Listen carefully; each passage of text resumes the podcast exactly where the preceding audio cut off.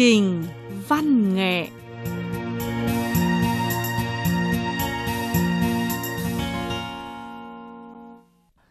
Các bạn thính giả và các bạn cư dân mạng thân mến, hoan nghênh quý vị và các bạn đến thưởng thức chương trình văn nghệ cuối tuần trên sóng và trên mạng Đài Phát thanh Quốc tế Trung Quốc. Hôm nay, Ngọc Ánh lại mời Nam Dương đến cùng Ngọc Ánh dẫn chương trình và gặp gỡ các bạn trên mạng và trên sóng. Xin mời Nam Dương. Vâng, Nam Dương xin chào quý vị và các bạn. Các bạn thân mến, một thành phố, một bài ca. Có những thành phố rất đáng để chúng ta nhớ mãi.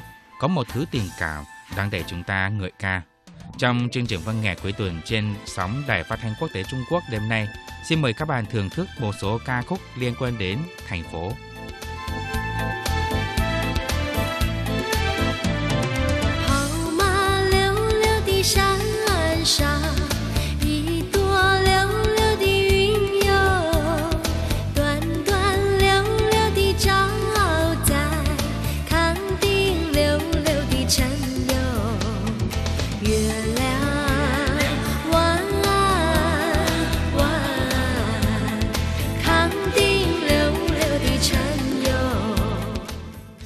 Các bạn thân mến, các bạn thưởng thức tình ca Khang Định. Đây là bài dân ca nổi tiếng Trung Quốc được sáng tác vào thập kỷ 40 thế kỷ 20. Có thể nói đây là một bài dân ca mà hầu như người Trung Quốc nào cũng đều biết hát, biết ngân nga. Lời ca có đoạn Cưỡi ngựa bon bon trên đỉnh núi Có áng mây bồng bềnh đang trôi Mây chiếu xuống thành phố Khang Định Nhà họ Lý có chị cả xinh đẹp Chị cả hảo tâm lại tốt bụng Nhà họ Trương có anh cả tài ba Anh cả đã phải lòng chị cả Vâng, bài ca này rất đơn giản. Chẳng qua đã kể rằng anh cả nhà Trương đã phải lòng chị cả nhà Lý. Ấy vậy mà bài dân ca này rất nổi tiếng. Một trong ba giọng nam cao nổi tiếng thế giới là Domingo, người Tây Ban Nha, đã trình bày bài dân ca này trong buổi diễn cá nhân. Ngoài ra, bài tình ca khang định này là ca khúc đầu tiên được trở lên ngoại tầng không gian. Trong những năm 90 thế kỷ 20, để tìm kiếm chi âm của loài người trên vũ trụ, cụ du hành vũ trụ nhà nước Mỹ đã phóng một vệ tinh mặt đất nhân đạo. Họ không những đã ghi âm tiếng kêu tiếng hót của các loài động vật chim muông và ngôn ngữ của các loài chủng tộc con người trên trái đất từ trên vệ tinh, mà còn chọn lọc 10 ca khúc mang tiếng đại diện nhất trong phạm vi toàn cầu. Tình ca khẳng định chính là một trong 10 ca khúc tiêu biểu nhất đó được trở lên vũ trụ bằng vệ tinh nhân đạo này.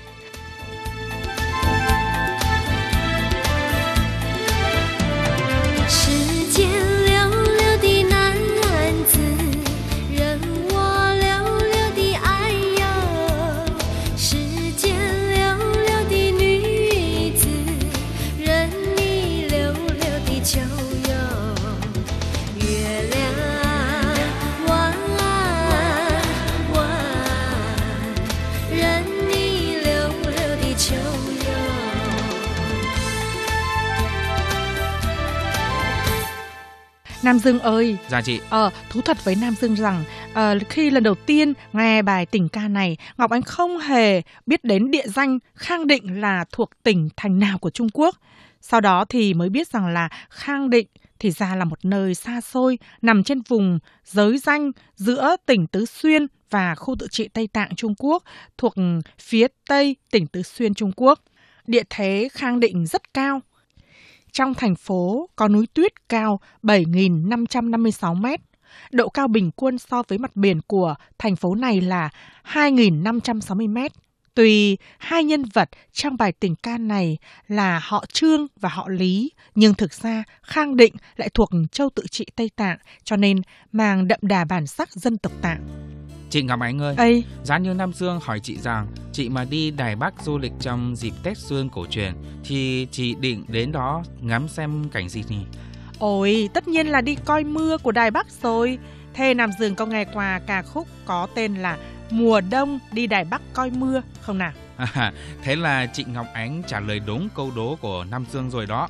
Vì Nam Dương cố ý hỏi chị về mà. Ôi, thế à? Vâng, ca khúc Mùa Đông đi Đài Bắc coi mưa quá là nổi tiếng chị ạ. Đúng rồi. Ờ, bài hát này do giọng ca nổi tiếng Đài Loan Trung Quốc Mạnh Đình Vi trình bày đầu tiên và cho ra album vào tháng 5 năm 1992.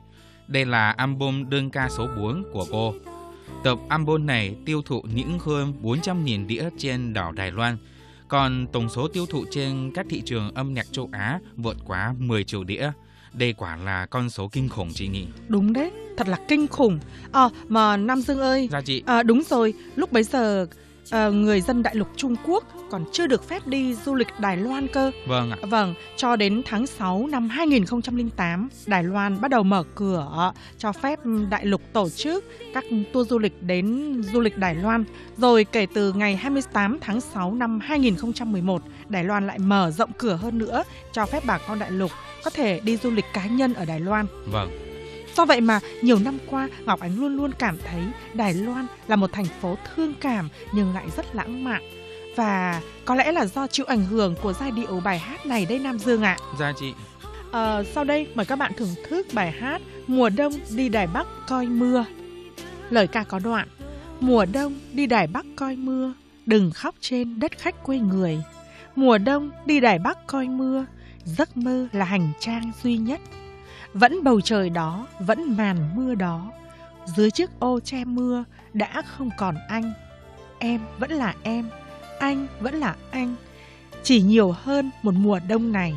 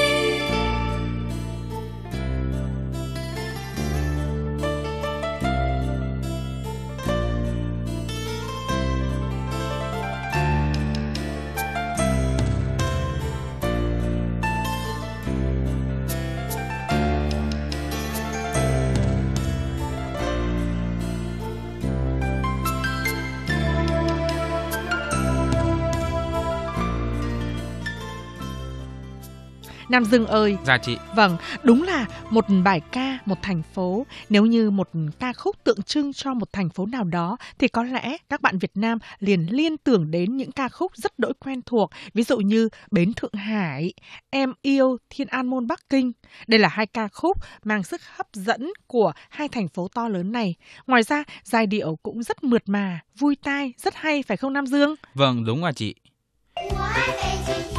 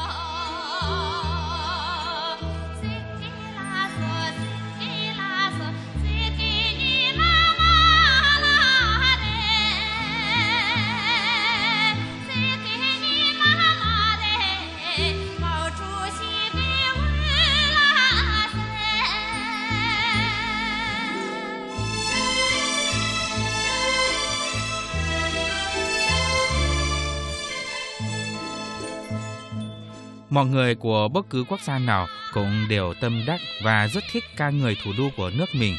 Tin rằng các bạn Việt Nam rất quen thuộc đối với các ca khúc ca người Hà Nội, thủ đô đất nước Việt Nam mình.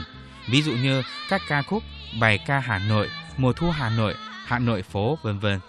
Cũng như các bạn Việt Nam vậy, người Trung Quốc cũng rất thích những bài hát ca người thủ đô Bắc Kinh, ví dụ như Em yêu Thiên An Môn Bắc Kinh, Trên Kim Sơn Bắc Kinh, Đêm Bắc Kinh, vân vân. Còn Thượng Hải, một thành phố đông dân sầm uất, cũng có rất nhiều bài hát người ca mình. Ví dụ như Đêm Thượng Hải, Bến Thượng Hải, Thượng Hải năm 1943, vân vân.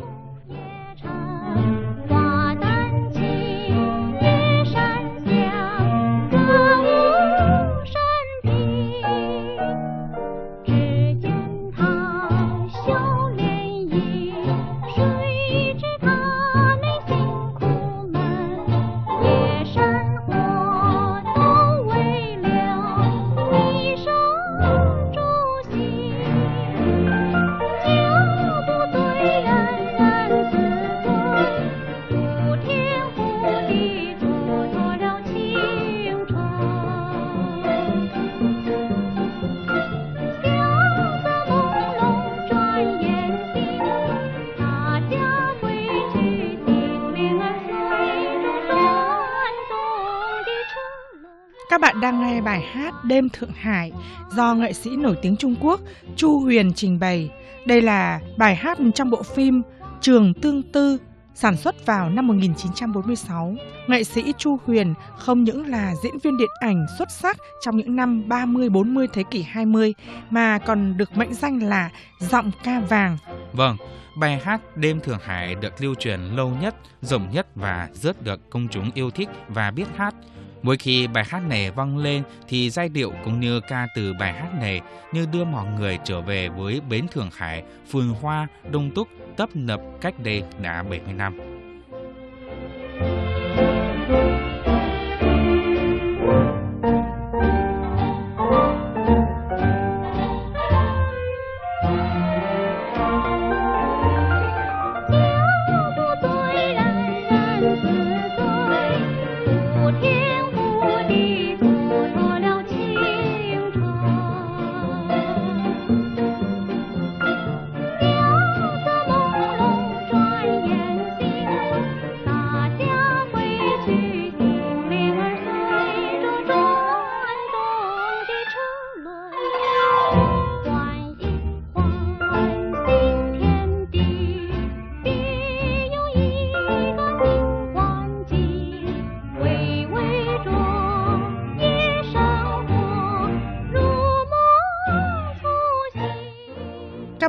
Đang nghe bài hát Đêm Thượng Hải lời ca có đoạn.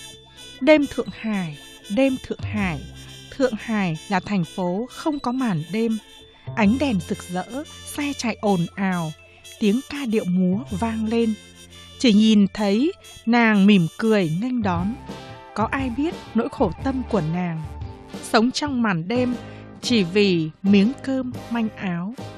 sau đây, mời các bạn nghe lại bài hát Đêm Thượng Hải do nghệ sĩ nổi tiếng Đài Loan Trung Quốc Thái Cầm trình bày. 上海，你是个不夜城，花灯起，车声响，歌舞升平。只见他笑脸迎，谁知他内心苦闷？夜生活 way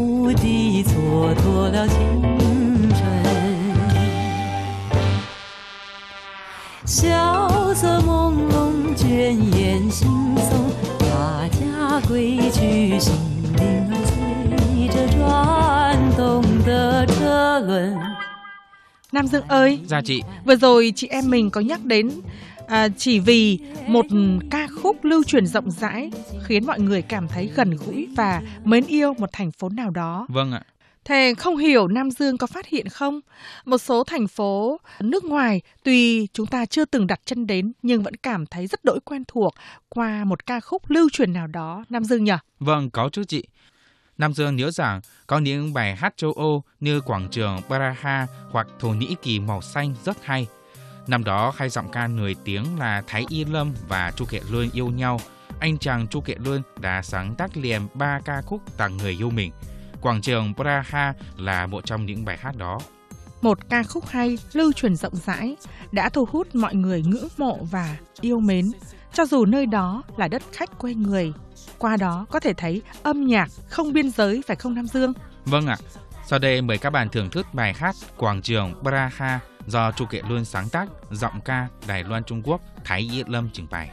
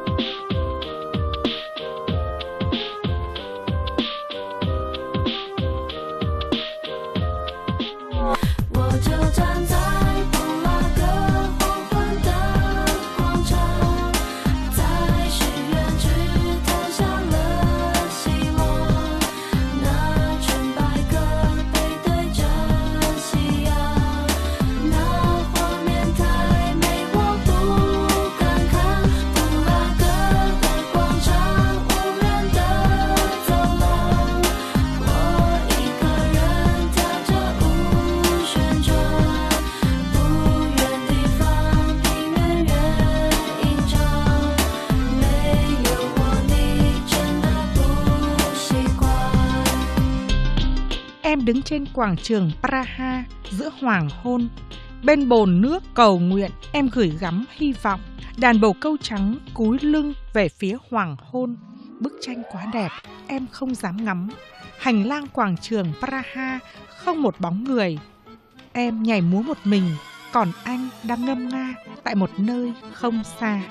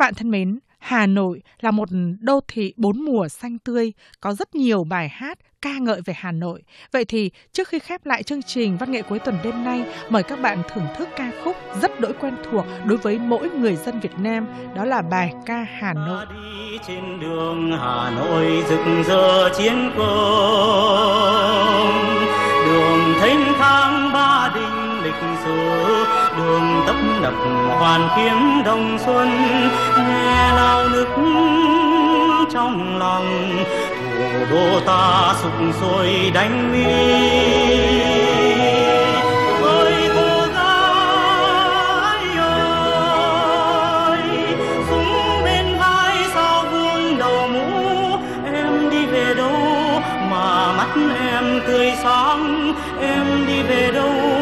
mà chân bước hiên ngang. Những hôm miệt mài trên bãi tập chiến công này, hẳn có tay em. Anh chiến sĩ ơi, đã bao đêm canh bên lòng súng, ngắm những đường phố mà thấy sao tha thiết. Xương ta. Chúa căm hờn vào quân xâm lược giữ đất trời thủ đô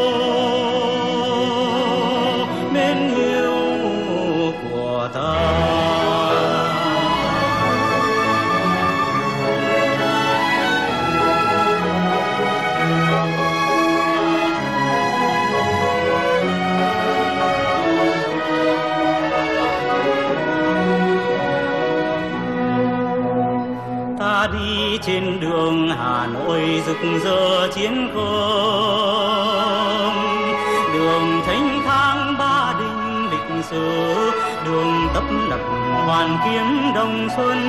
Nghe nao nức trong lòng, thủ đô ta sục sôi đánh mỹ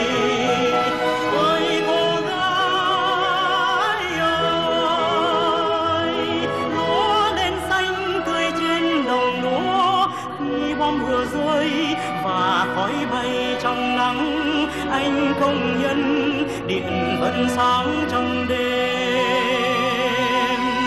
tiếng loa truyền về tin thắng trận giữa Các bạn thân mến, chương trình văn nghệ cuối tuần đêm nay xin tạm khép lại ở đây. Hẹn gặp lại các bạn vào giờ này tuần tới. Nam Dương xin chào quý vị và các bạn.